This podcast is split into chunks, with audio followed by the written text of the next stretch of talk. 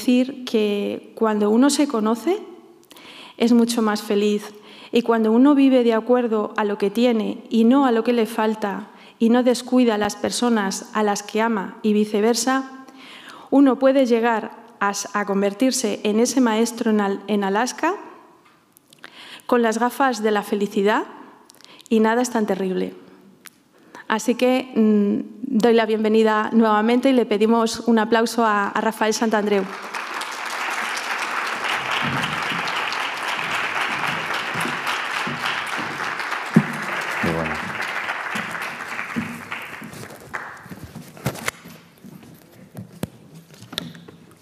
Hola, eh, muchas gracias por, por, invitarme y por venir vosotros aquí hoy. Y vamos a organizar la charla de hoy eh, de la siguiente manera, si os parece. Hablaré durante una hora, os explicaré un poco los fundamentos de la psicología cognitiva y después dedicaremos media hora a preguntas, ¿de acuerdo? Entonces, todo lo que se os ocurra, cualquier pregunta... Eh, una, cosa que últimamente me está gustando mucho en las charlas que he dado en los últimos tiempos es que me contéis vosotros experiencias de crecimiento personal, eh, de transformación que hayáis tenido en, algún momento porque nos aporta a todos. Bueno, entonces, em, eh, me presento un poquito más yo antes de empezar. ¿no? Pues fijaos que yo soy psicólogo, como comentaba Susana, llevo pues, bastantes años dedicado a esto. Em, y en este trabajo tan particular que es intentar ayudar a las personas a tener transformaciones radicales, ¿sabes? Que es esa cosa que no vemos muy comúnmente en las personas, ¿no? Ese fenómeno de, por ejemplo, imaginaos, ¿no? De ver una persona que durante 50 años de su vida ha sido un cascarrabias, ¿no? Una persona muy negativa, de repente hace una terapia, hace algo en unos meses y pasa todo lo contrario. A ser una persona positiva, tranquila. Eso no lo vemos mucho, pero yo os aseguro que es posible. Claro, si sabes cómo pero es posible. Pues yo me dedico a eso. ¿eh? Desde hace muchos años pues me, ganó la vida con esto. Y, me dedico a un tipo de psicología doble, ¿no? que efectivamente es la psicología cognitivo-conductual, que son dos corrientes de psicología bastante diferentes, pero unificadas, unidas de alguna manera. Eso es todo un tema, como cómo podemos unir estas dos corrientes que realmente son muy diferentes, pero que en algún punto se unen Incluso pueden ser como, en algún momento puedes entender que son contrarias, ¿no? pero en algún momento se entrelazan. Esto que puede parecer raro, en realidad no lo es, porque muchos fenómenos de la, naturaleza son así. Una cosa es cierta y la contraria también. Y hay que unificarlo. Aunque para nosotros eso puede resultar un poco difícil, pero es así. Bueno, pero hoy os voy a hablar más, en principio, de la parte cognitiva, de la psicología cognitiva.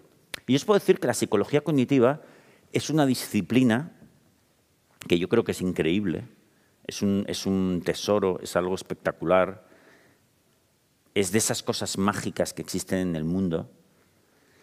Y, y, quien lo ha descubierto, quien ha tenido la suerte de descubrirlo en su vida, ha hallado un tesoro importantísimo.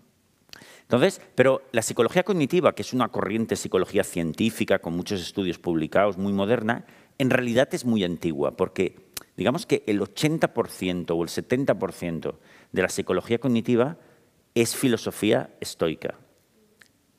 ¿Y qué es la filosofía estoica? Es una filosofía que surgió en tiempo de los griegos antiguos y que, por ejemplo, que ya defendían o, aplicaban a su vida, por ejemplo, eh, Epicteto, el filósofo del siglo I. Entonces, fijaos, desde aquella época, por lo menos desde aquella época hasta ahora, miles de personas, cientos de miles de personas descubrieron esta joya que os voy a explicar ahora. Entonces, os explico una anécdota que me pasó hace un par de años, muy particular, que esto no está en ninguno de mis libros todavía, pero me pasó algo que creo que es divertido. Hace como un par de años me llamaron de Córdoba para que fuese a dar una charla allí a Córdoba. Pero lo particular es que me llamaba un departamento de, la Universidad de Córdoba, que era, porque iban a hacer un congreso, pero era el de la Facultad de Historia eh, y eh, era un departamento de latinistas y expertos en historia y cultura griega y romana antiguas. Entonces iban a hacer un congreso, pero para especialistas, ¿eh? no abiertos al público, para especialistas. Entonces me dijeron, Rafael, mira, estamos haciendo este congreso, un congreso sobre la figura de Marco Aurelio. Marco Aurelio fue un emperador romano, por cierto, de origen cordobés. Él no era nacido en Córdoba, pero sus padres y sus abuelos sí. Y llegó a ser emperador romano. ¿no? Además, se considera que fue el mejor emperador de la historia de Roma. Y, eh, entonces eh, llamaron y me dijeron, vamos a hacer un congreso solo sobre Marco Aurelio y puedes venir. Y yo dije, hombre, yo encantado, porque además a mí me gusta mucho la historia. Y dije, hombre, yo encantado, ¿eh? Pero, y conozco a Marco Aurelio, pero no sé por qué me llamáis a mí, si yo no soy historiador. Y me dijeron, bueno, porque, ¿sabes, Rafael? Tú sabrás que Marco Aurelio, y sí que lo sabía, él mismo eh, era un filósofo estoico. Él era un seguidor increíble del estoicismo e incluso escribió un libro que se llamó Meditaciones sobre su filosofía. Entonces dijo, bueno, es que ¿sabes qué pasa? Es que como hacemos este congreso sobre Marco Aurelio, Marco Aurelio era eh, un filósofo estoico y hemos pensado en traer a un filósofo estoico actual y, solo te conocemos a ti. Y yo digo, ah, pues sí, encantado, pues venga, porque es verdad. Yo intento aplicar la filosofía estoica a mi vida a tope. Y entonces fui y fui a Córdoba y, la verdad es que fue una experiencia increíble, porque era un congreso no, de mucha gente, ¿eh? Eh, a lo mejor había 40 personas, ¿no? todos profesores, todos especialistas en aquella época de, la griega, eh, de, Grecia y Roma de aquella época. ¿no? Sabios, ¿eh? gente así, profesores ya un poco mayores. Fijaos si, si eran cracks esta gente, que os lo prometo, entre ellos, cuando estaban entre ellos, hablaban en latín o sea, antiguo, ¿eh? O sea, y, yo digo, qué gente. Había una, una de las ponentes, era una mujer, que su ponencia iba sobre la diferente moda de la barba en, el tiempo de Marco Aurelio. Y digo, hostia, estás ha pasado un año estudiando esto. Entonces, claro, traía todo de, diapositivas, ¿no? Claro, de, pero claro, eran de estatuas, ¿no? Y cómo, cómo rizaban la, la barba, cómo no, increíble, ¿no? O sea, me encantó, ¿eh? una gente maravillosa. Entonces yo di mi ponencia, ellos dieron sus diferentes ponencias sobre la economía en aquella época, sobre Marco Aurelio, no sé qué, todo súper interesante. Y claro, llegó un momento en que salí yo, ¿no? Entonces yo expliqué, ¿qué fui ahí a explicar? Pues más o menos lo que vengo a explicaros aquí también, ¿eh? ¿Qué es la, qué es la psicología cognitiva y qué es la filosofía estoica y por qué es tan importante, ¿no? Y cómo la puedes aplicar a tu vida. Entonces yo fui explicando, y a cada rato aquellos profesores levantaban la mano y me decían, Rafael, espera, lo que acabas de decir, y soltaban una frase en latín. No sé qué en latín. Decía, eso ya lo dijo Séneca. Y yo, y entonces ellos decían, pero tú ya lo sabías. Yo, no, no, ni, ni puta idea de que Séneca había dicho eso. Y fue increíble, porque allí yo creo que yo tuve la percepción clara, y ellos también, de que habían pasado 20 siglos y a las mismas conclusiones que había llegado yo, bajo mi práctica, lo habían llegado esas personas de hace 20 siglos. Increíble. Exactas cosas, frases iguales. Exactas conclusiones, percepciones de cómo funciona la mente y la vida. ¿no? Fue una experiencia increíble. Entonces, fijaos cómo eso, eh, esta, esta sabiduría. Por cierto, que Marco Aurelio, una de las frases que eh, dicen que dijo fue la siguiente. Él dijo, el mayor de mis tesoros de mi vida no son mis conquistas, mis palacios, mis riquezas, sino mi filosofía, porque es lo único capaz de otorgarme la felicidad o quitármela. Y tiene toda la razón. Entonces, fijaos que la psicología cognitiva se basa en un principio que dijo el filósofo em, estoico eh, Epicteto y otros, pero Epicteto también lo dijo. Y fijaos, la frase es, no nos afecta lo que nos sucede, sino lo que nos decimos acerca de lo que nos sucede. E, es, esta es la pieza clave. Y, es muy importante porque el ser humano no se da cuenta de que esto es así. Nosotros una y otra vez tenemos la tendencia a pensar de que si nos enfadamos, nos asustamos, tenemos vergüenza, o sea, todas esas emociones negativas son a causa de cosas que suceden. Por ejemplo, ahora el COVID. Si, nos hemos asustado, estamos mal, es porque hay el COVID, hay el peligro de muerte o no podemos salir de casa. Entonces, la filosofía estoica o la psicología cognitiva nos dice, no, no es a causa de eso. Es a causa de lo que te dices acerca de eso. Esa es la diferencia. ¿Veis? Pero nosotros una y otra vez pensamos que son los hechos los que nos afectan y no es verdad. Por ejemplo, si alguien viene y nos da una patada en el culo y eso nos indigna, pensamos que es porque nos han dado una patada en el culo y no es verdad. Es por lo que te dices. Lo que sucede es que te da una patada en el culo, tú dices, eso es intolerable y ahora te pones de los nervios. ¿Por qué? Porque queréis una prueba de que si, por ejemplo, vamos a uno de estos gimnasios modernos de, fitness moderno y el monitor nos dice, mira, ahora os vais a dar una patada en el culo los unos a los otros y se os va a poner un glúteo que no veas. Estaremos felices de la misma patada en el culo. Y, es el mismo hecho, es una patada en el culo que te ha propinado alguien. Pero claro, hacemos otra interpretación de la patada en el culo. Es increíble, pero el ser humano tiene aquí un ordenador central que lo tamiza todo. Pero nosotros una y otra vez creemos que no, que eso que sucede, estamos acostumbrados a pensar que son los hechos los que directamente me causan eh, efectos en mi mente. Y no es verdad, es mi interpretación. Y ahí está la llave de la fortaleza, en hacer las mejores interpretaciones posibles en cada momento. Entonces, lo que sí sabemos es que hay personas que hacen interpretaciones bastante malas y tienen una vida emocional fatal, y hay personas que hacen interpretaciones increíbles todo el tiempo y, están encantados de la vida. Yo estoy seguro que todos habéis conocido, y aquí eh, seguro que aquí también habrá gente así, pero todos hemos conocido a gente, yo qué sé, por ejemplo, el tendero del mercado o cualquier persona tal, que los ves y están siempre alegres, están siempre positivos, están llenos de alegría, de energía. Y dices, bueno, eh, y en cambio lo contrario, ¿verdad? Gente que esté donde esté, aunque sean ricos, millonarios, guapos y lo que quieras, están amargados. Y lo vemos totalmente. Entonces, si pudiésemos entrar en el cerebro de estas personas, en la mente, y los psicólogos lo hacemos, les investigamos, ¿qué investigamos? Lo que piensan, lo que se dicen a sí mismos. Su diálogo interno es muy diferente. Es muy diferente, ¿veis? Yo muchas veces digo a la gente, le propongo hacer, si no crees que esto es así, hacer una experiencia. ¿no? Entonces, cogéis a alguien que conozcáis, de vuestra familia, algún amigo, que, sepa, que es este primer estilo, ¿no? una persona súper positiva y súper fuerte a nivel emocional. Y luego escogéis otra persona que sea todo lo contrario. Y le contáis la un mismo hecho. Os lo podéis inventar. Le decís, mira, conozco un tipo tengo un amigo que tiene 50 años y que ahora le acaban de despedir, tiene tres hijos y le cuesta encontrar trabajo. Vale, este es el hecho. Se lo explicas a uno y se lo explicas al otro. Y esperas que hablen. Ya veréis que el diálogo interno, lo que dicen uno y otro, es muy diferente. Y si intentas cambiar lo que ellos dicen, se resisten. Por ejemplo, el más fuerte dirá, bueno, pero esa persona que sabe hacer, pero está bien de salud. Bueno, pues oye, eh, pues suerte tiene, muchas cosas puede hacer.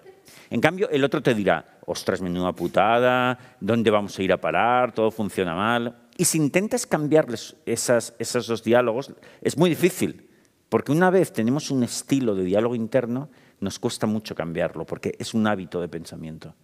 Y si hacéis la prueba siempre que queráis, veréis la diferencia, veréis que hay una diferencia entre unas personas y otras muy claras. ¿vale?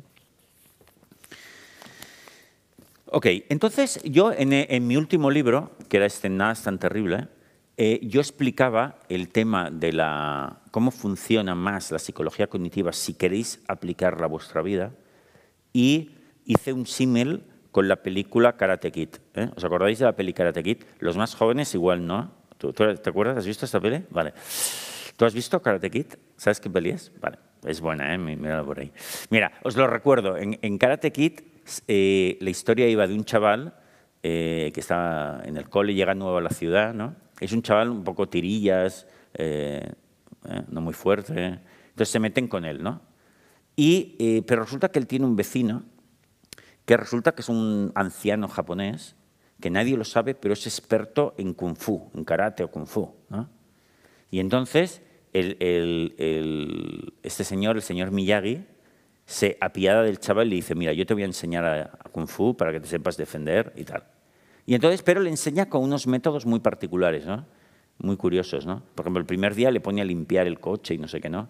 Y le dice, venga, con una mano pulir cera, dar cera, pulir cera. Todo el día, dar cera, pulir cera. Y así aprende los primeros movimientos del, del, del karate o del kung fu. ¿no?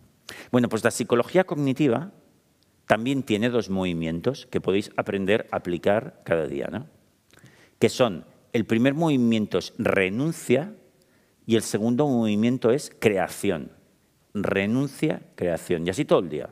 Así todo el día. Tenéis que hacer esto todo el día. Vale. Y ahora vamos a explicar cuáles son estos dos movimientos de renuncia y creación. La renuncia es el paso fundamental, el primero. Se trata de renunciar de motu propio, o sea, queriendo tú, anticipándote, a aquello que la vida amenaza con quitarte. Os pongo un ejemplo, ¿eh? Imaginaos que yo cojo el autobús por la mañana, ¿no? Soy cansado, tengo que ir a trabajar, no he dormido bien, cojo el autobús y va todo lleno y repleto de gente. Y entonces ya me pongo de mal humor, ¿verdad? Bueno, pues primero, renuncia. ¿A qué de renunciar? Aquello que la vida hoy parece que me va a quitar, que es ir sentado, ¿sabes? Ir cómodo. Ostras, me cago en la leche. Porque nosotros siempre nos perturbamos de algo que parece que nos falta, ¿vale? Siempre. Entonces, eh, si el primer movimiento es que tú te anticipes y renuncies tú en primer lugar, mentalmente, y digas, pues sabes qué, que no necesito ir de pie en el autobús. De hecho, podría ir de pie en todos los autobuses el resto de mi vida y podría ser muy feliz. Porque ¿quién necesita ir, sentado en los autobuses para ser muy feliz? Y, y, a favor de esto para no necesitarlo. Hay muchos argumentos. ¿eh? Por ejemplo, si, a ver, si en nuestra sociedad uno de los principales problemas que tenemos es que estamos demasiado gordos. ¿Pero para qué quiero estar tan sentado? Si eso no se necesita. Si fuese de pie, además podría aprovechar para hacer sentadillas, hacer ejercicios. Oye, me ahorro gimnasio, no pasa nada. Entonces, fíjate, y, esto es solo un argumento, pero hay 10.000 argumentos para darte cuenta que tú no necesitas eso. Ese es el primer paso. Porque en realidad nosotros nos neurotizamos porque nos llenamos de necesidades inventadas. Pensamos que debemos ser delgados, tener pareja, ser muy inteligentes, tener muchos amigos, eh, tener un piso en propiedad, tener un piso en propiedad muy bonito y millones de otras cosas. Y cuidado, ¿eh? que como nos falte una de esas, somos unos desgraciados de la peor especie. Todas esas necesidades nos hacen débiles. Fijaos que había un famoso psicólogo cognitivo, que además era sacerdote, que se, se llamaba, ya murió, Anthony de Melo, que tiene libros, por cierto, libros muy buenos, en los que él mezcla psicología cognitiva con religión. Hace otra, mezcla que también se puede hacer. Y, él solía decir, eh, es una frase que tiene que ver con este primer movimiento de la renuncia. Él decía que la infelicidad en realidad procede de de algo que hacemos nosotros, siempre. Que nosotros nos impedimos ser felices a nosotros mismos porque nos decimos, no, no puedo ser feliz, porque no tengo novia, me niego a ser feliz porque no tengo novia. O no puedo ser feliz porque tartamudeo, no, no puedo, tengo que hablar normal para, para ser feliz. Pero somos nosotros que nos ponemos impedimentos, porque eso en realidad no lo necesitas. Entonces, fijaos que por eso la renuncia es el primer paso que hemos de hacer para, eh, para eh, hacernos fuertes a nivel emocional. Yo, por ejemplo, hay, un, tema que es uno de los, temas, de los temas estrella que tratamos los psicólogos, que es lo que llamamos depresión por abandono. Le hemos puesto este nombre, pero es que cuando te dejan, ¿no? O sea, eso es, algo muy común, porque pasa mucho, ¿no? Y entonces, la gente pues coge unas depres y, unos estados fatales ¿no? por esto. Pero yo muchas veces he tratado este tema muy rápido con gente que tenía en la consulta, ¿no? Y, a mí me gusta tratarlo esto de una manera un poco salvaje, ¿no? Entonces, eh, muchas veces viene alguien que está como fatal porque, porque le ha dejado la pareja. ahora me viene a la cabeza una anécdota que os contaré ahora.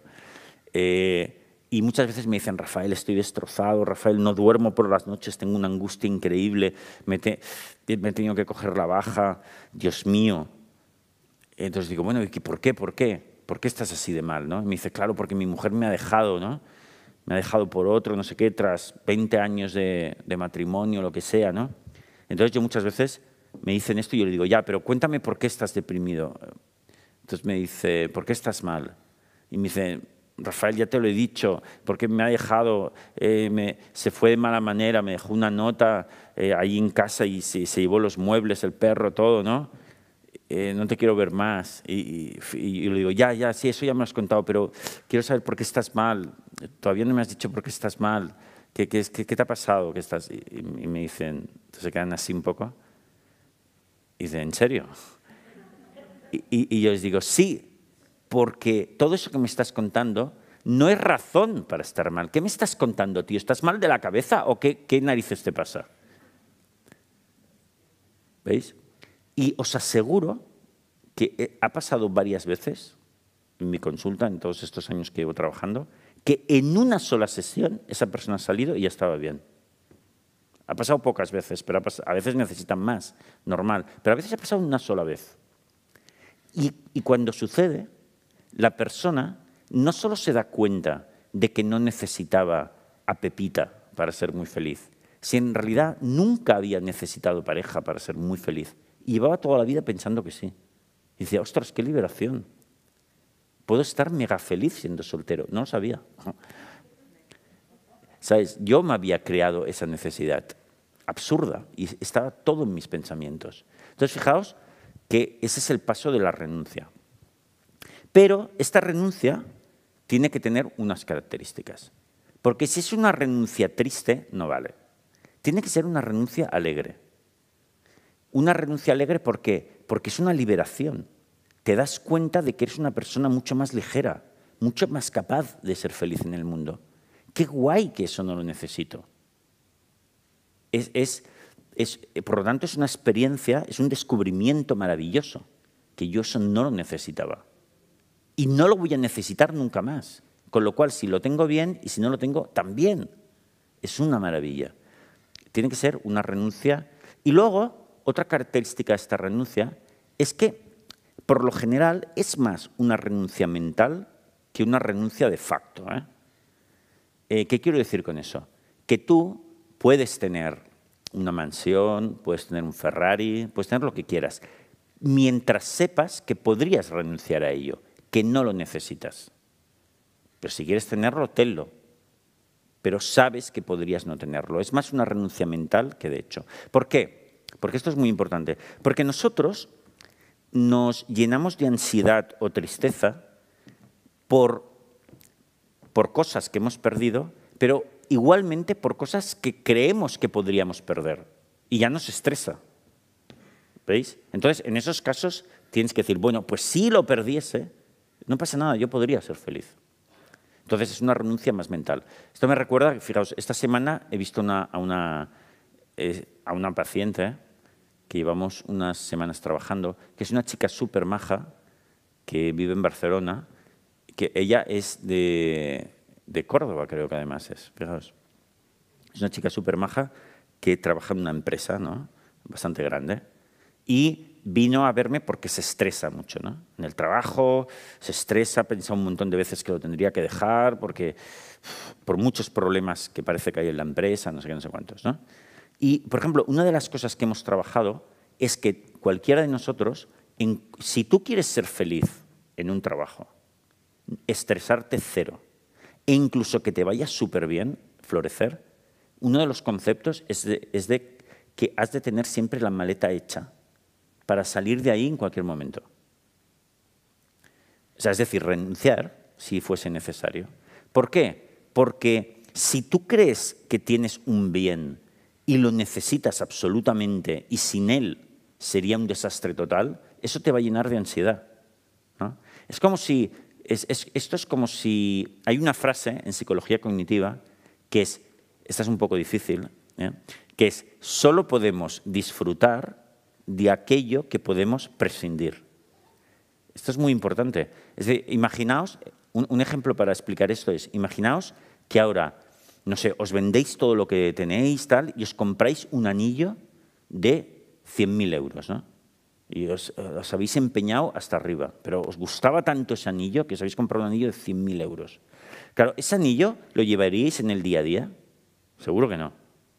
Lo tendríais, lo llevaríais y sacaríais muy de vez en cuando y el resto del tiempo lo tendríais en la caja fuerte. Porque claro, si perdéis el anillo este, si os cae, no sé qué, de 100.000 euros, te mueres. Entonces, ¿para qué narices quieres ese anillo? Ya no es un anillo para llevar, no sé qué, es un lingote, es otra cosa. Eso ya no puedes disfrutar de eso. Claro, solo podemos disfrutar de las cosas que se pueden ir, porque todo en la vida se puede ir, porque la vida es así, las cosas vienen y van. Entonces, por eso es tan importante esa renuncia mental, ser capaces de, hacer esa renuncia mental y, si tú trabajas en un sitio, pues tener la maleta siempre bien hecha. Yo le contaba, yo casi siempre he trabajado de psicólogo por mi cuenta y he trabajado muy poco para otros, pero en una época lo hice. Hace muchos años trabajé para haciendo una revista, que era una revista de psicología que se llama Mente Sana, que todavía se vende en los kioscos. Y yo pues, estuve trabajando ahí un tiempo y, tenía una jefa, ¿no? Y entonces yo recuerdo que yo muchas veces me reunía con la jefa de vez en cuando, y se llama Elizabeth, ¿no? recuerdo, y, yo le decía, me reunía con ella y le decía, Elizabeth, ¿qué tal? Me decía, muy bien, Rafael, ¿qué? Dime. Y yo le digo, mira, Elizabeth, es que te quería decir una cosa. ¿Tú estás muy contenta con mi trabajo aquí? Y me decía, sí, sí, sí, estamos muy contentos, Rafael. Y digo, pero súper contenta, ¿no? O sea, decir, piensas que yo mi trabajo, porque Elizabeth, yo mi trabajo creo, te puedo demostrar que lo hago de puta madre. O sea, muy difícil encontraréis a alguien que lo haga también, ¿eh? Ya se reía un poco y me decía, bueno, sí, sí. Y yo le decía, porque, Elizabeth, una cosa, ¿eh?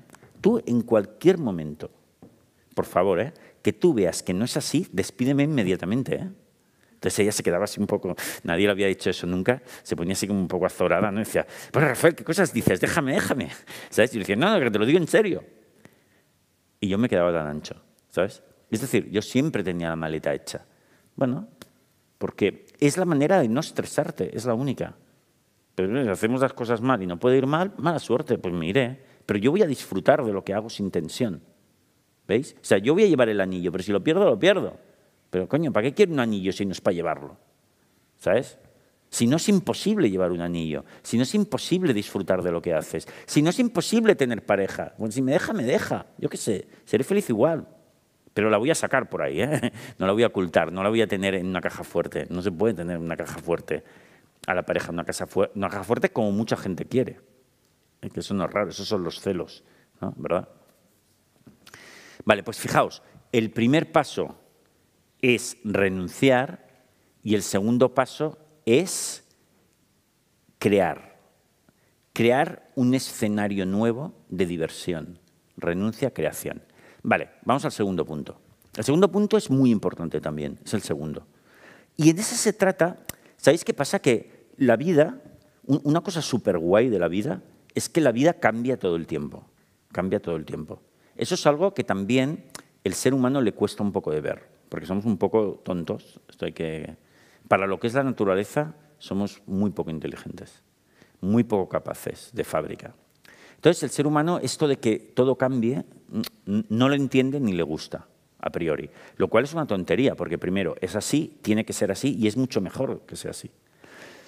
Y además, en nuestra civilización actual todavía menos nos gusta, ¿no? O vivimos en la ficción de que podríamos permanecer, ¿no?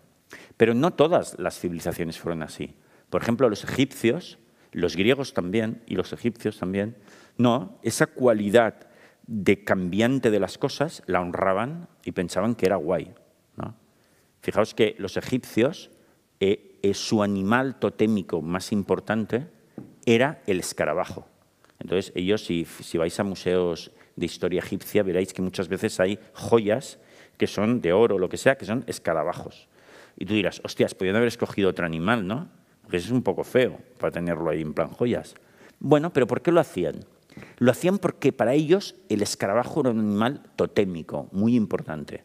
¿Por qué? Porque ellos se dieron cuenta que el escarabajo es un animal que cuando llega la noche se entierra en la arena y en los primeros rayos del sol sale y como que renace. Y eso lo hace todos los días. Entonces decían, mira, el escarabajo representa de alguna manera el morir y el renacer, el morir y el renacer constante, diario. Entonces ellos dijeron, porque en realidad ellos también pensaban en su filosofía, el hombre, cosa que yo también pienso, muere y renace cada día. ¿Por qué? Porque yo hoy soy Rafael, tengo unas características y mañana tengo otras cartas diferentes. Todo el tiempo, todo el tiempo, todo el tiempo. Y eso hace la vida interesante, hace la vida fulgurante. Si no fuese así, sería un peñazo insoportable. Viviríamos en algo tan monótono que no lo podríamos soportar, no funcionaría. Por lo tanto, ese cambio constante mola mucho, pero se nos ha ocurrido que no. Que no, que las cosas... Yo recuerdo que una vez tuve una paciente hace muchos años, que era una chica súper maja, que se llamaba Sonia, recuerdo, que resulta que estaba como en primero o en segundo de la universidad, ¿no? Y la tipa había entrado en crisis. Entonces la tenía delante y le pregunté, Sonia, ¿por qué has entrado en crisis? Y me dijo, porque mira, no, no me adapto a la universidad. Yo fui muy feliz en el cole. Era una estudiante muy buena, eh, tenía mis amiguitas, no sé qué, los profes todos me conocían, el ambiente era muy guay. Y, y al llegar a la universidad es diferente, los profes no te conocen, hay mucha gente eh, y no, no, no, me adapto. ¿no? Entonces hablamos y, y, ella me decía, ostras, si pudiera estar siempre en el cole. Y yo le diría, mira, yo le decía, Sonia, te equivocas mucho, porque si yo ahora tuviese una varita mágica y pudiese colocarte siempre en el último curso de, del cole, para siempre, y siempre se repetiría, ¿no? Como la peli del día de la marmota, ¿no? todos los años iguales, todos los años iguales, al principio sí que dirías, genial, Rafael, me has hecho feliz. Pero al cabo de pocos años dirías, Rafael, por favor, quítame esto de encima, no lo soporto más. Porque es insoportable repetir lo mismo cada vez, repetir lo mismo cada vez. Y yo decía, te equivocas. Si es súper guay estos cambios que estás experimentando. Por supuesto que es diferente el cole de la universidad, pero está lleno de maravillas. ¿Por qué te cierras a eso? Pero a veces lo hacemos sin darnos cuenta. Entonces desearíamos ser jóvenes para siempre, lo cual sería un coñazo increíble. Desearíamos, ¿veis? Vivir para siempre, lo cual es demencial. Desearíamos no tener enfermedades, lo cual es demencial, etc. Eh, el cambio es fundamental en la vida. Desearíamos que mi pareja estuviese siempre ahí, casados, ¿no? con, con, con esos anillos esposas que llevamos actualmente. Pero eso es demencial. Eh, porque el cambio es normal. Entonces, ¿qué pasa? Que cuando nosotros experimentamos un cambio en la vida, lo tenemos que celebrar en vez de lamentarnos y tener la cintura necesaria para decir, vale, ¿y el disfrute dónde está ahora? Vale, no es el disfrute como lo entendí hasta ahora, es diferente, pero qué bien que es diferente. Por ejemplo, a, este paciente que le ha dejado la pareja después de 20 años de convivencia, pues claro, ahora está soltero Ahora le toca aprender otro tipo de vida, pero es maravilloso este estilo de vida. Entonces, la creación de un nuevo marco de disfrute es eso, es estar atento para decir, vale, ¿de qué nueva manera voy a disfrutar yo ahora increíblemente? ¿Dónde está el disfrute ahora? ¿Dónde está la diversión? No es lo que yo me esperaba hasta ahora, pero está en otro sitio. Y la vida siempre ofrece oportunidades de disfrute. Yo en uno de mis libros ahora no recuerdo en cuál, hablaba de una pareja, que, un matrimonio que se llamaba matrimonio Kaufman, que fue muy famoso en Estados Unidos en los años 70. ¿Y por qué? Y entre los psicólogos un poco también. ¿Por qué? Porque la familia Kaufman pasó algo, pasó algo particular. Eran muy jóvenes este, y se casaron y tuvieron tres hijos muy rápido. ¿eh? Hablamos de la época hippie, ellos eran un poco hippies, ¿no? vivían en San Francisco él era profesor informático, ella era, él era informático y era profesora. Tuvieron tres hijos muy rápido. Pero el último hijo em, eh, sucedió que nació y había algún problema con él. Eh, entonces lo llevaron al médico y lo eh, diagnosticaron de autismo, de un autismo grave. ¿no? Y le dijeron, mira, tu hijo no podrá llegar a aprender a hablar, llegar a aprender, porque es un autismo severo y no tiene cura. Tendrá siempre, necesitará siempre atenciones de alguien, etc. Pero lo particular de la familia Kaufman, del matrimonio Kaufman, es que en vez de decir, ostras, qué adversidad, qué mala suerte, Dios mío, no, eran una gente muy particular y dijeron, genial, si la vida nos ha traído, si el universo nos ha traído esto, es para que disfrutemos de esto, para que aprendamos. Entonces, eh, se metieron con mucho entusiasmo a aprender todo lo que pudieron aprender. Entonces, sobre todo al, marido, que se llama Barry, Barry se empeñó en que tenía que aprender a comunicarse con su hijo. Entonces, dice que probó muchas cosas, leyó muchos libros, probó muchas cosas que no funcionaron. ¿no? Dice que al principio, cuando el niño se ponía a, balancearse así durante horas como hacen los autistas, él se ponía al lado a hacer lo mismo. Decía, bueno, algo significará. No, no significa nada. Pero probó muchas cosas, leyó libros y al final fue probando cosas y al final desarrolló un método, de hecho, el primer método de superestimulación cerebral y curó al niño del autismo. Y fue el primer caso en la historia en que se produjo eso. Entonces, fijaos que, bueno, luego muchos años después, eh, fijaos, primero que curaron al niño del autismo y eso fue un hecho que les hizo famoso en todo Estados Unidos.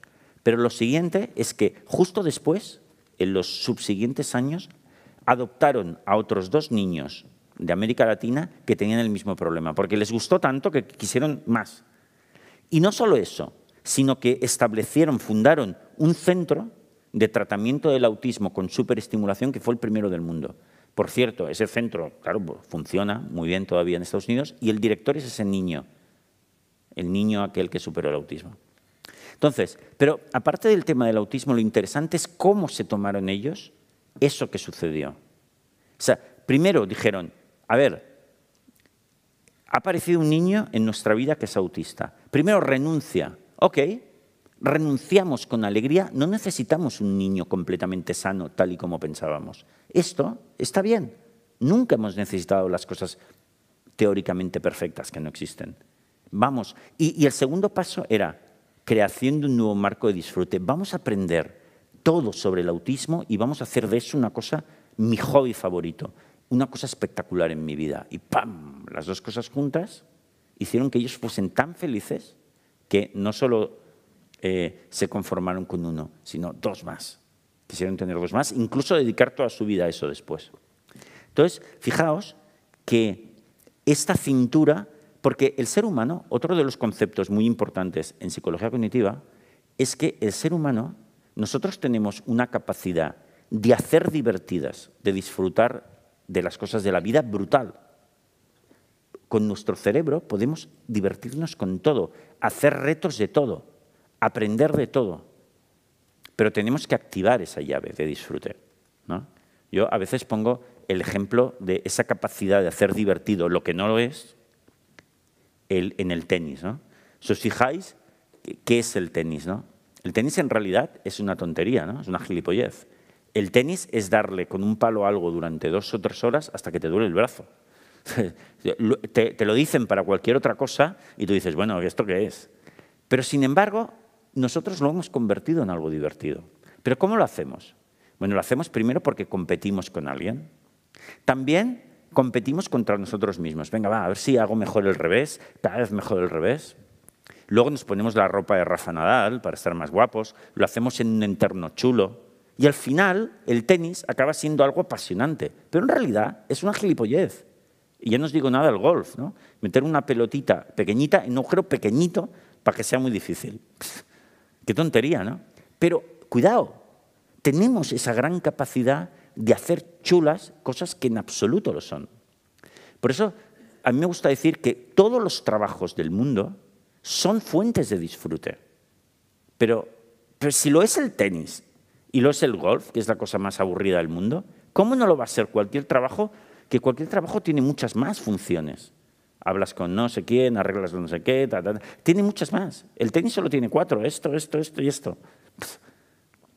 Pero, ¿qué sucede? que, por ejemplo, en el curro, que ya lo llamamos así, nosotros nos negamos a, utilizar ese segundo, a crear un marco de disfrute. ¿Por qué? Porque la gente por ahí dice, es el curro, esto es un palo, te juntas con cuatro o cinco que se quejan todo el rato del curro. Y claro, nosotros nos cerramos a esa capacidad de disfrutar. Es como los Kaufman. Ellos disfrutaron de tener un hijo autista, pero lo hicieron ellos y eso siempre lo podemos hacer nosotros.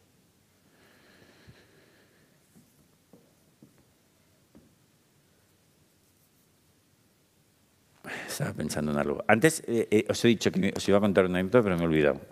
Siento. Vale. Em, antes os comentaba eh,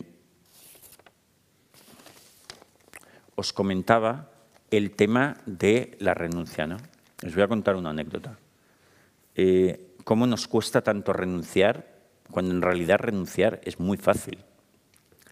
Eh, dicen, os cuento una historia real de, los pigmeos. A mí me gustan mucho las, eh, miro la hora que no se nos pase, eh, a mí me gustan mucho las tribus que todavía viven en libertad, ¿no? porque nos enseñan mucho a los locos que vivimos civilizadamente. Para empezar, en las tribus, como son las tribus del Amazonas o los pigmeos de África, no existe el estrés, la depresión y todo eso, ¿no? Algo harán bien. Bueno, pero os cuento una cosa de los pigmeos, que no tiene que ver. ¿eh? Eh, resulta que cuentan cómo, por ahí se cuenta cómo cazan monos los pigmeos en la selva, ¿no? Y ellos tienen una forma de cazar monos muy particular. Los tipos cogen y construyen unas cajas, ¿no? ¿Sí?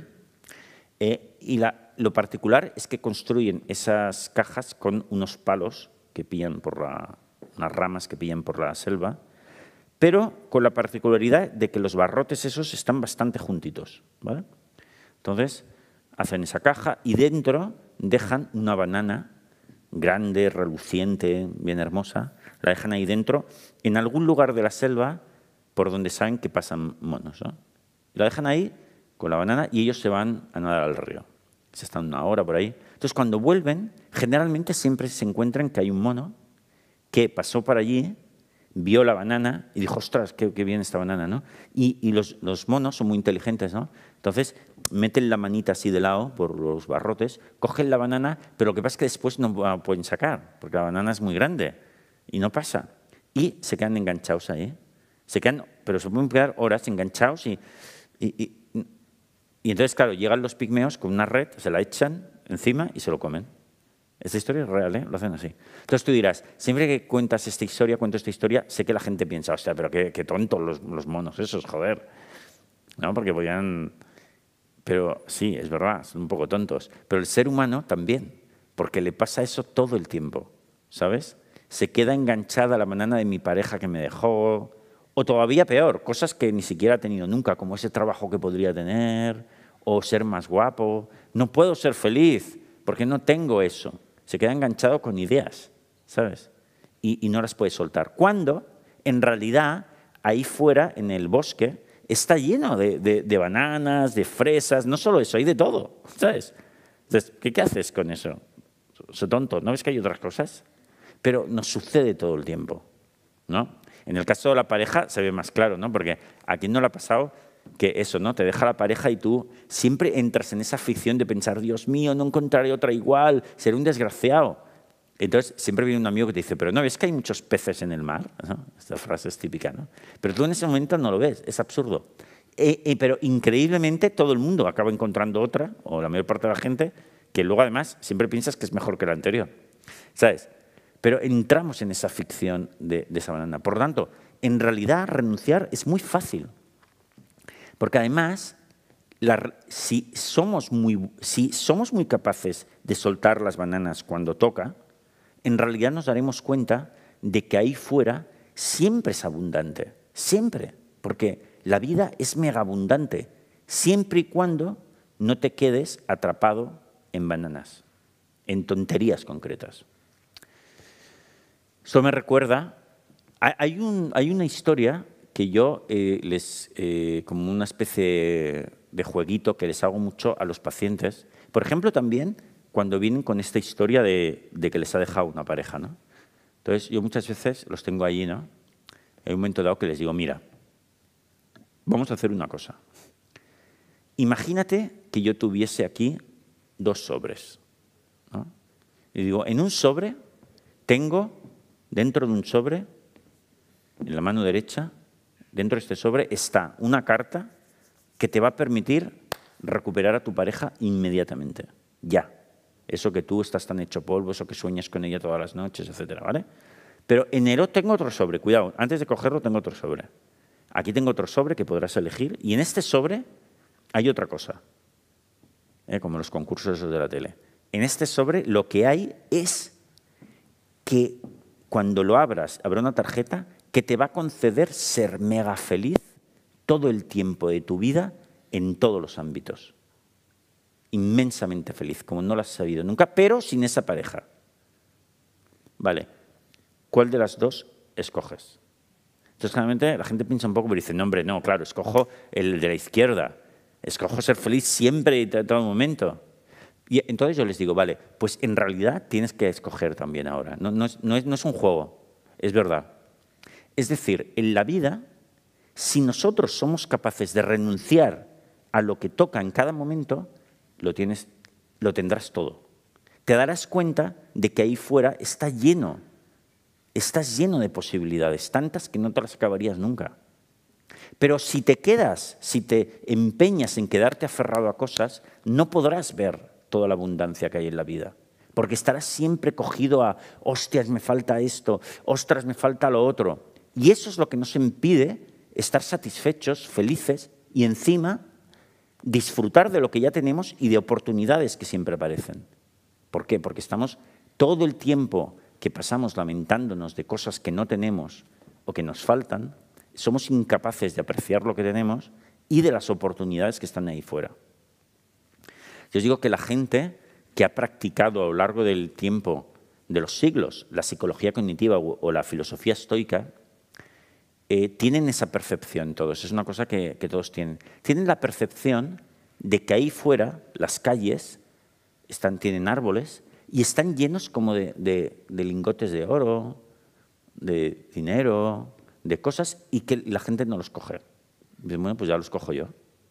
¿Y por qué tienen esa percepción? Porque se dan cuenta muy rápidamente de que la gente se está quejando y no lo ve. Se está quejando están lloriqueando, deprimidos, estresados y no lo cogen. Bueno, pues ya lo cojo yo, no pasa nada. Y lo ven todo el tiempo. La gente tiene miedos, tiene vergüenza, tiene, tiene, están poco animados y entonces no tienen la fuerza necesaria para apreciar lo que hay y, simplemente cogerlo fácilmente. ¿Lo veis?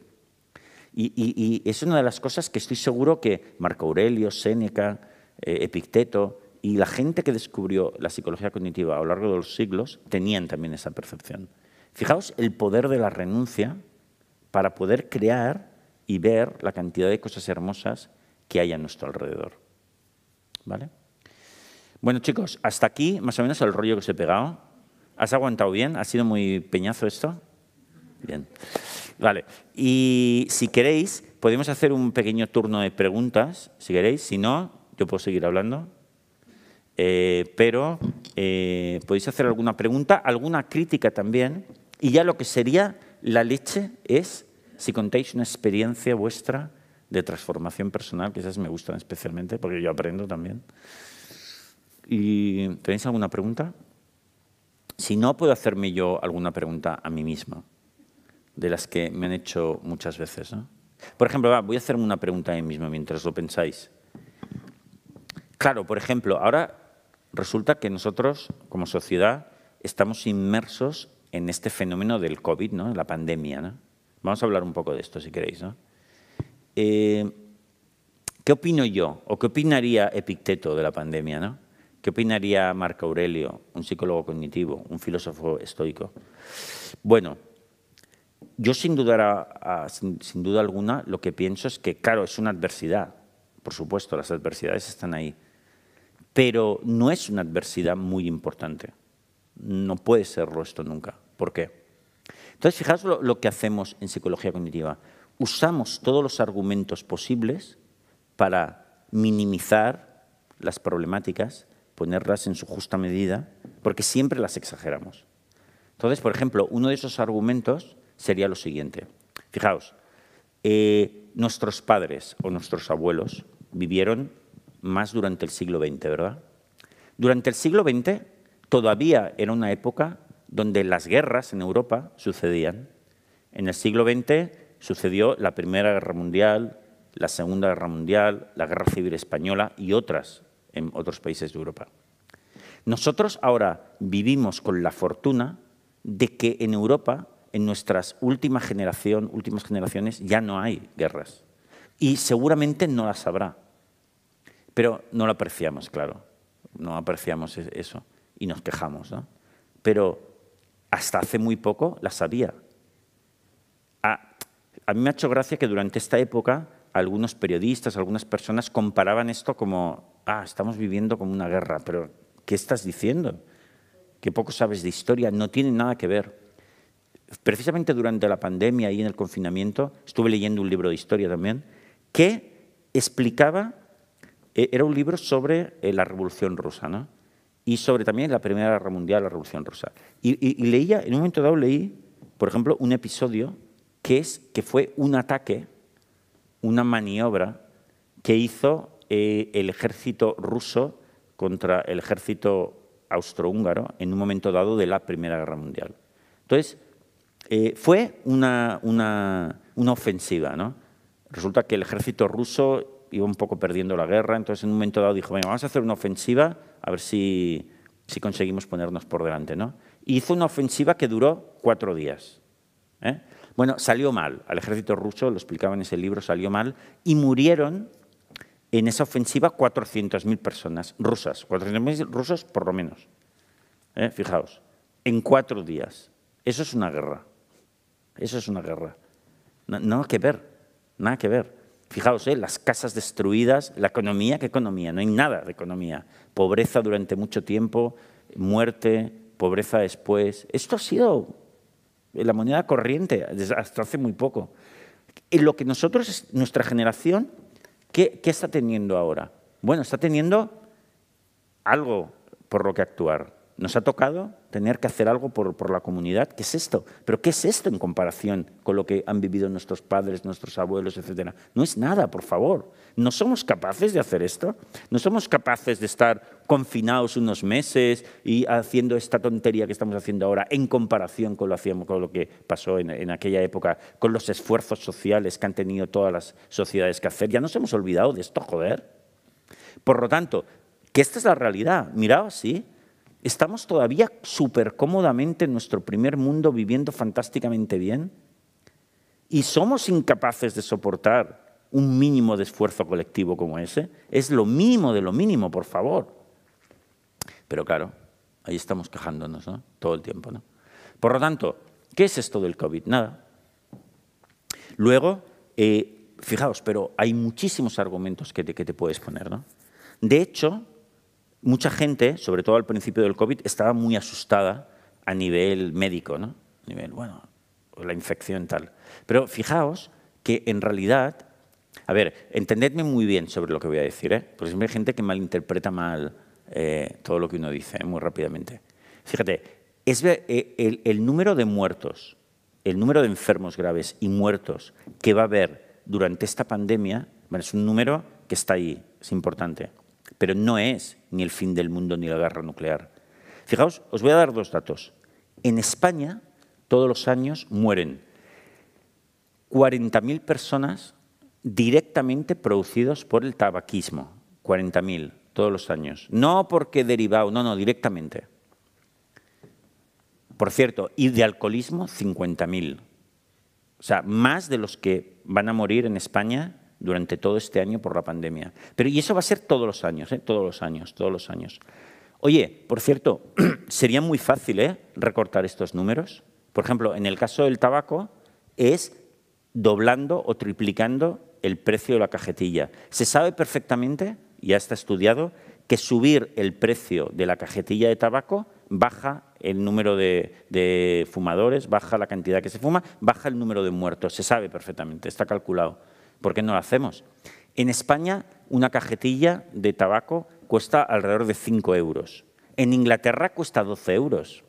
En Francia cuesta 11 euros.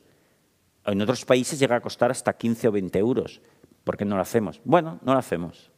Y nadie se rasga las vestiduras, nadie va corriendo por la calle asustada. Los telediarios no abren sus portadas cada día con este tema. Y hay el doble de muertos por ahora de los que está sucediendo con, el coronavirus. Bueno, lo asumimos, lo asumimos y no nos rasgamos las vestiduras. ¿eh? Y de alcoholismo, 50.000. En conjunto, 100.000, entre las dos cosas. Y, son solo dos enfermedades que yo conozco porque tienen que ver con las adicciones. Pero seguro que hay muchas más que se podrían paliar y no lo hacemos. Bueno, tranquilidad. Ahora, es decir, eh, todo esto tengo que decir que yo estoy absolutamente a favor de las medidas que estamos tomando para reducir eso. Es que yo estoy a favor que se hagan esas cosas. Pero, cuidado, no es el fin del mundo ni la guerra nuclear. Hay que distinguir entre una cosa que, una adversidad que queremos trabajar o una cosa que me está volviendo loco y que me asusta muchísimo. Es muy diferente. Por último, podemos hablar incluso al final de la muerte, ¿no? de la posibilidad de la muerte, a lo cual tampoco hay que tenerle miedo. Sí, sí. Hola. Es que antes has dicho al principio que, por ejemplo, podría vivir teniendo una mansión o un Ferrari, pero que eso no era necesario, que se podía vivir un poco ahí de cualquier manera. Y yo pienso que no. Si a mí ahora me toca la primitiva, yo, por ejemplo, me compraría un coche que no me lo puedo pagar y me iría a vivir a una mansión con piscina, con Netflix, con sauna y con todo. Y a mí eso sí me, sí me fastidia, me da envidia cuando veo ahí los, los chaletazos de la moraleja. Mm.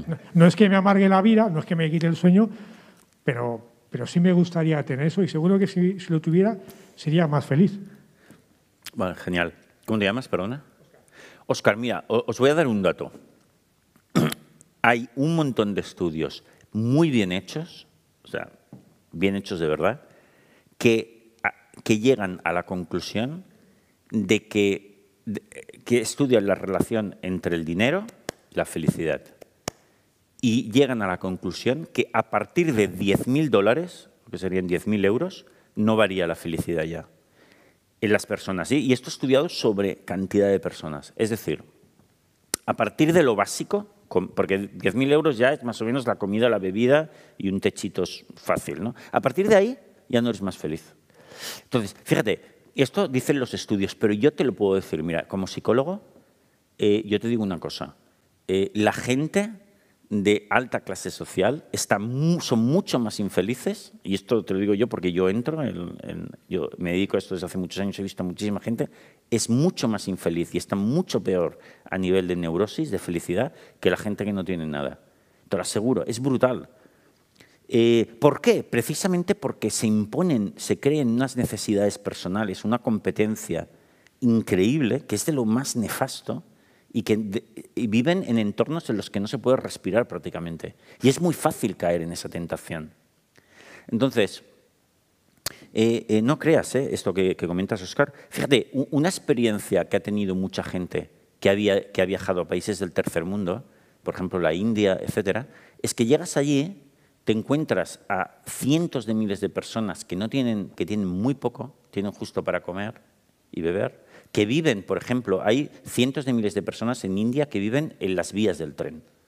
Van allí a dormir, luego lo recogen todos, y viven así, viven los padres, viven los hijos, y vivirán así toda la vida. Y tú vas y los conoces, y es la gente más feliz que te has encontrado en tu vida. Muchísimo más feliz, serenos y contentos que cualquier persona que veas aquí en España, te lo aseguro. Y, flipas, porque dices, ¿cómo es posible esto? Ahí tienes la respuesta. Es decir, que eh, el error de pensar que, em, que las comodidades materiales dan la felicidad, eso creemos nosotros, pero luego cuando lo tenemos, si es que alguien llega a tenerlo, se da cuenta que no una y otra vez. Con lo cual, yo creo que no.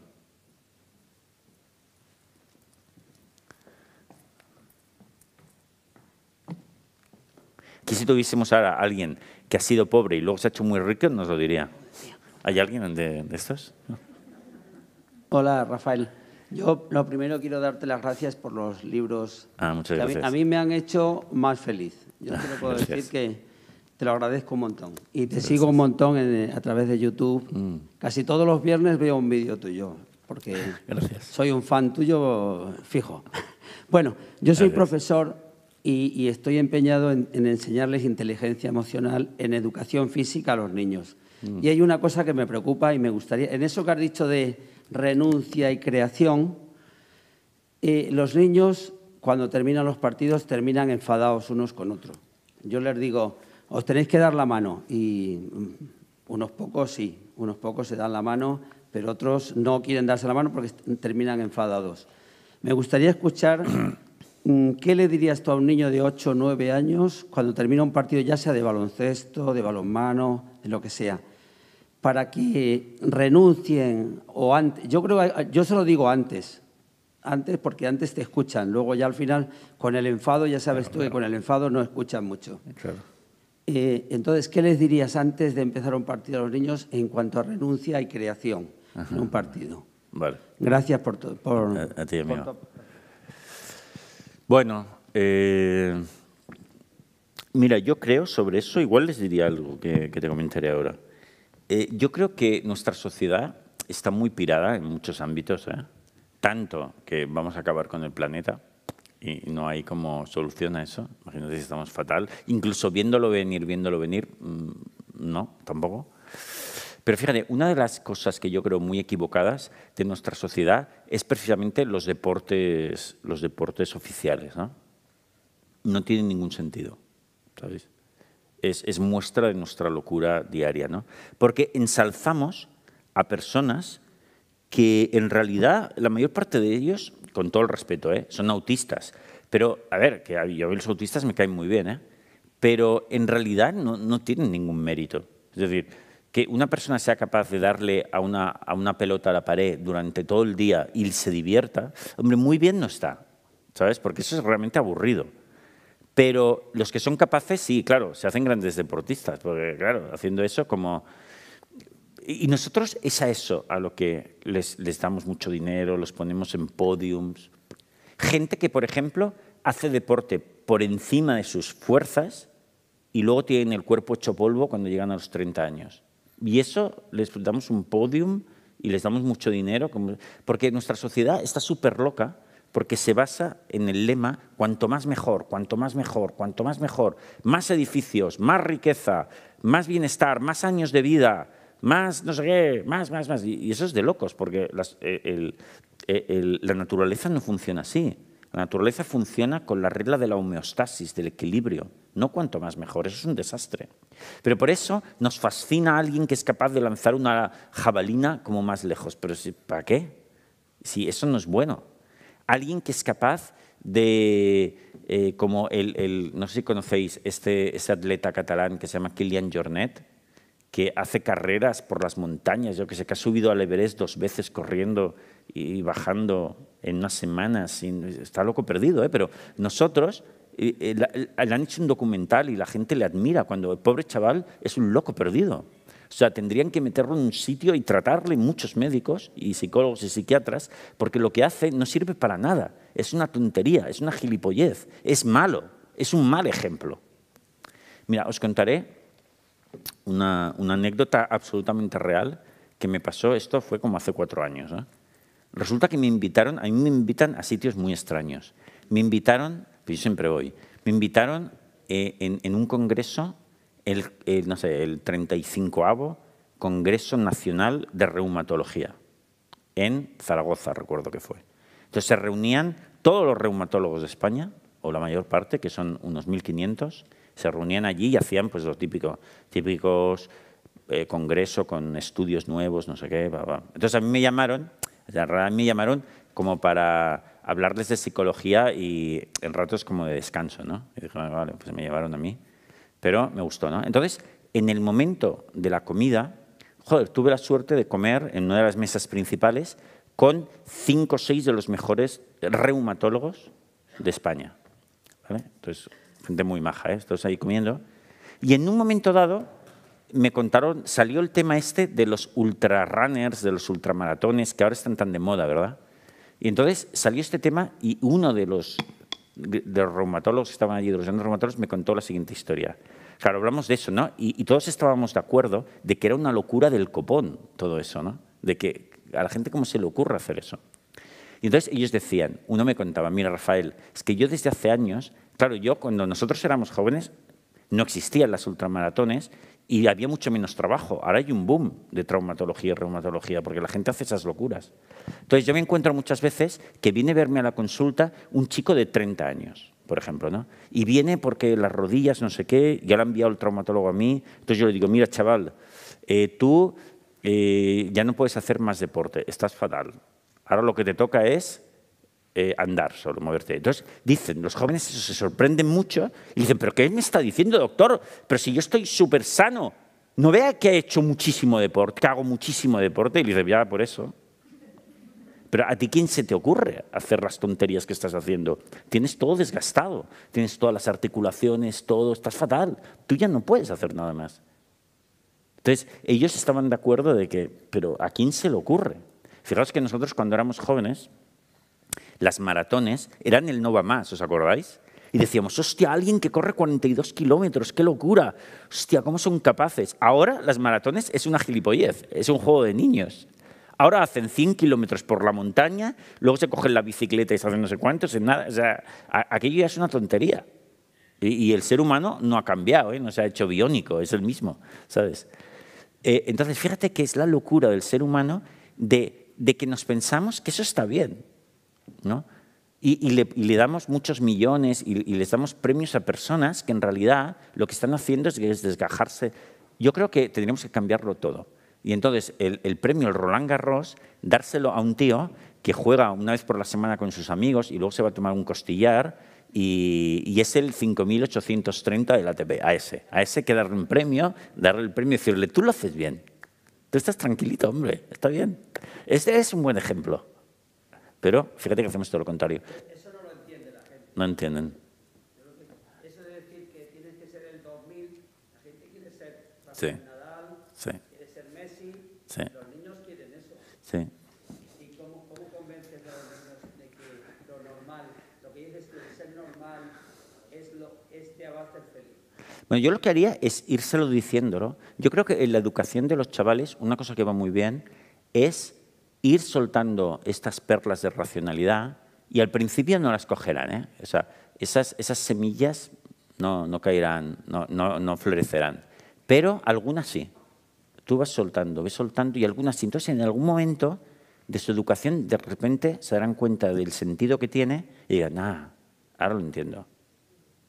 Ahora voy a disfrutar, pero no voy a, voy a disfrutar, intentar ser ambicioso dentro, porque una cosa es ser, porque existe la sana ambición y existe la, ambición equivocada. La sana ambición es la que te, mueve el disfrute, te, mueve el hacer algo, algo bonito, algo hermoso, por ti mismo y por los demás. La gente que realmente más o menos está dotada para algo y puede hacerlo de esa manera, está muy bien que lo haga, pero si no, no. Entonces, esa es la diferencia. Si, si te mueve el disfrute y, y, es algo que de manera natural lo harías todo el tiempo y, y, lo haces para hacer algo bueno por ti y por los demás todo el tiempo, con, eso está bien. Y esa sería la sana ambición. Y la ambición equivocada es la que piensas, hostia, si no consigo esto, soy un fracaso, habré fracasado. Eso es la locura, porque eso ya no tiene ningún sentido. Entonces, pero yo lo que haría es irles transmitiendo estas ideas. Algunos alguna vez lo entenderán y otros no, pero bueno, poco a poco. Pero claro, es verdad que luchamos contra la mirada habitual de la sociedad que está por todas partes, ¿verdad? Imaginaos lo de los, los chavales, ¿no? Claro, ven en todas partes esos héroes que se machacan, ¿no? Eh, locamente, ¿no? Entonces piensan que eso es lo, lo adecuado, ¿no? Pero bueno, paciencia.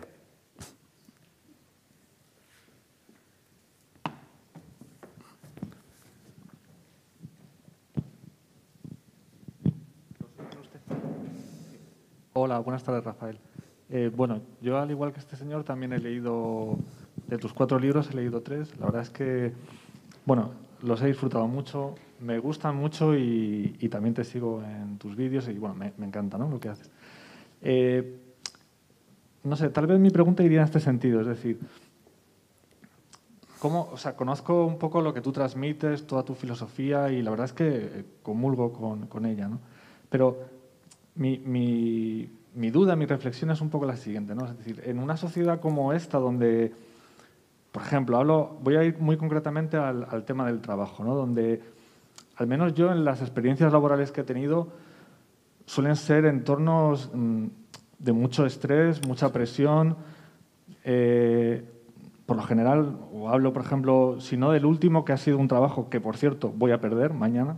mañana me quedo sin ese trabajo. Un trabajo fantástico aquí en Alcobendas, en una empresa que es increíble, donde yo he disfrutado como nunca y que se me va a acabar. Y que, por cierto, ya desde esta semana, y vengo aquí con mi pareja, ya llevo muy a mi pesar y con cierto tristeza y dolor, ya estoy activando la renuncia. ¿no? De hecho, estoy renunciando a ello. Digo, bueno, pues ya está. He, trabajado en Disney World, yo se lo digo, es un sitio fantástico. Bueno, qué bien, voy a poder decir dentro de unos años, incluso ahora que trabajé en Disney World, eh, y bueno, pues podré decir que durante nueve meses o casi un año estuve trabajando aquí. Pero a lo que voy, es decir, eh, hoy en día, o sea, en, en, este trabajo no, pero en el penúltimo tenía un jefe o dos jefes que eran muy duros, tenía un compañero que bueno, tanto es así que tuve que, de hecho fui al psicólogo por segunda vez en mi vida, porque era un trabajo que me estaba causando dolor y sufrimiento y al final, bueno, pude dejarlo, acudí a, eh, llegué a un acuerdo con ellos y lo dejé.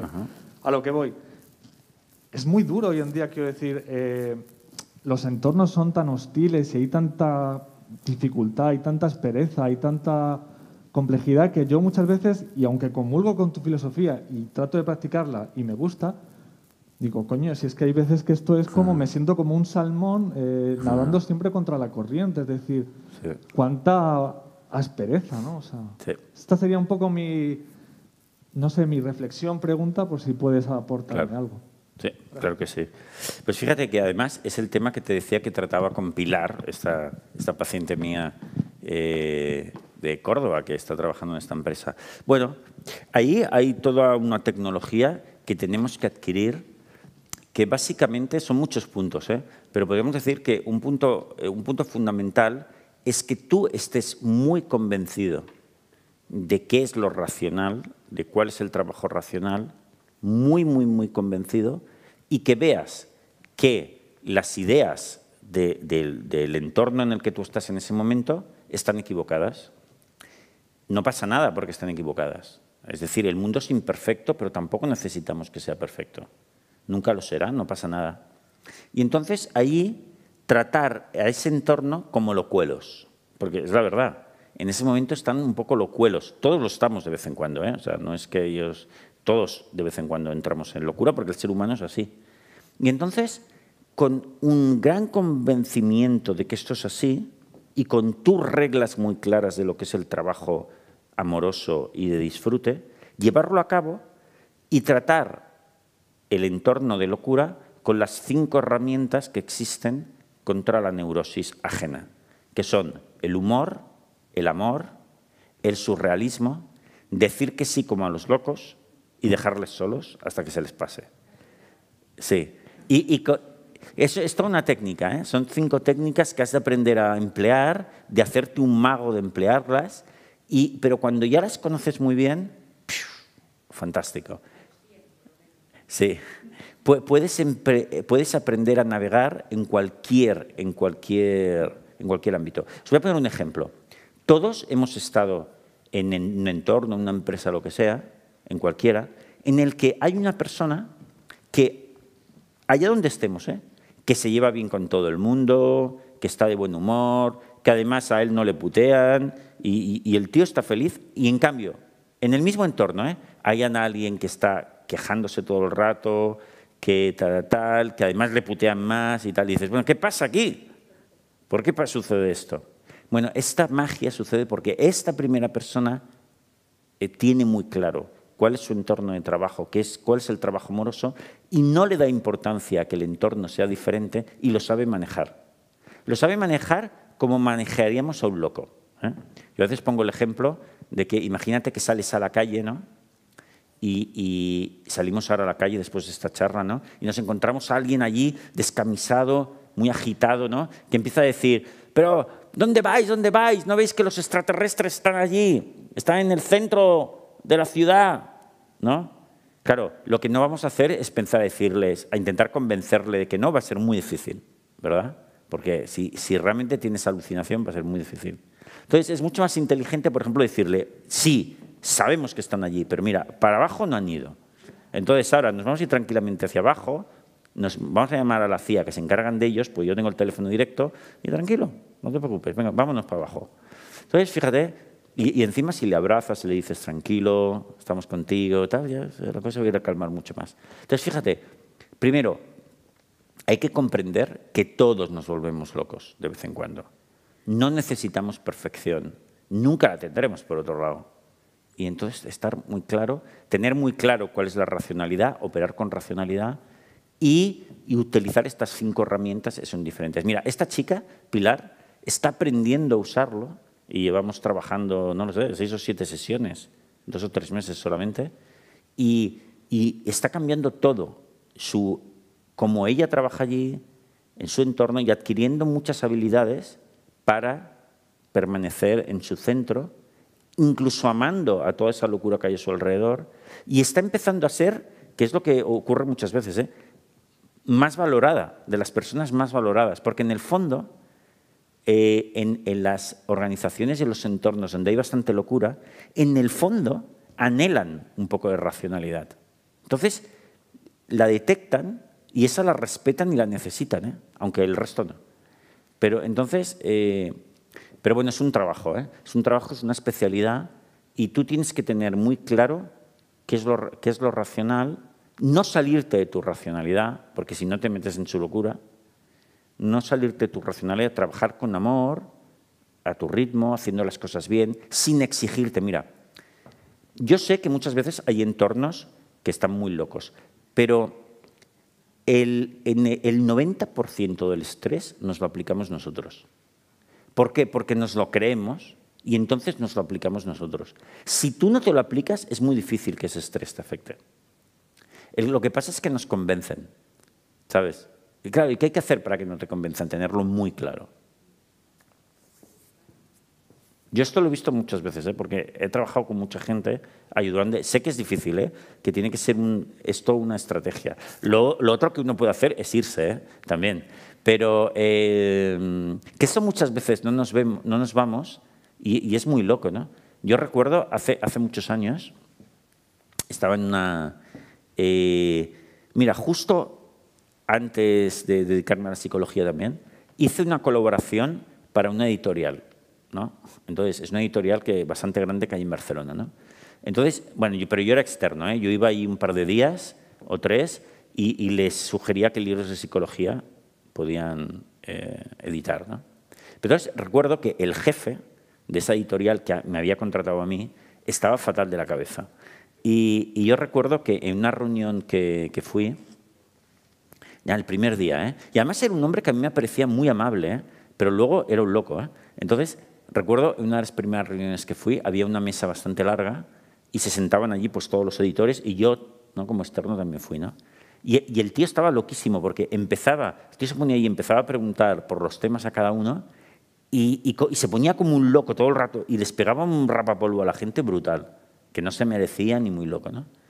Y yo recuerdo que en un momento dado, eh, yo dije, joder, y hablé con la secretaria de este tipo, la secretaria personal, y le dije, oye, tu jefe está como está fatal de la cabeza, ¿eh? Digo, ¿cómo lo aguantas? Y recuerdo que me dijo, mira, si yo llevo 15 años con él, pues ¿cómo lo aguanto con pastillas? Cansolítico. Y yo digo, ¿pero por qué lo haces? Y me dice, ah, es que la hipoteca, hijo mío, la hipoteca. Pero yo pensaba, esta también está loca. Porque, a ver, la hipoteca es más importante que tu salud mental. ¿Pero dónde estamos? Entonces, claro, cuidado ahí ¿eh? también. Es cierto que ella podía hacer un esfuerzo para aprender que no le afectase, y se puede, pero también se podía ir. ¿eh? y aprenderlo después en un entorno más fácil. O sea que eso también, cuidado, ¿eh? También a veces no somos nosotros que nos encerramos en situaciones absurdas. Pues muy bien, chicos, no sé si hay alguna pregunta más. Si no, pues eh, lo podemos dejar aquí. Ha sido un placer estar con todos vosotros, Susana, por, eh, por haberme invitado aquí hoy. Y tenéis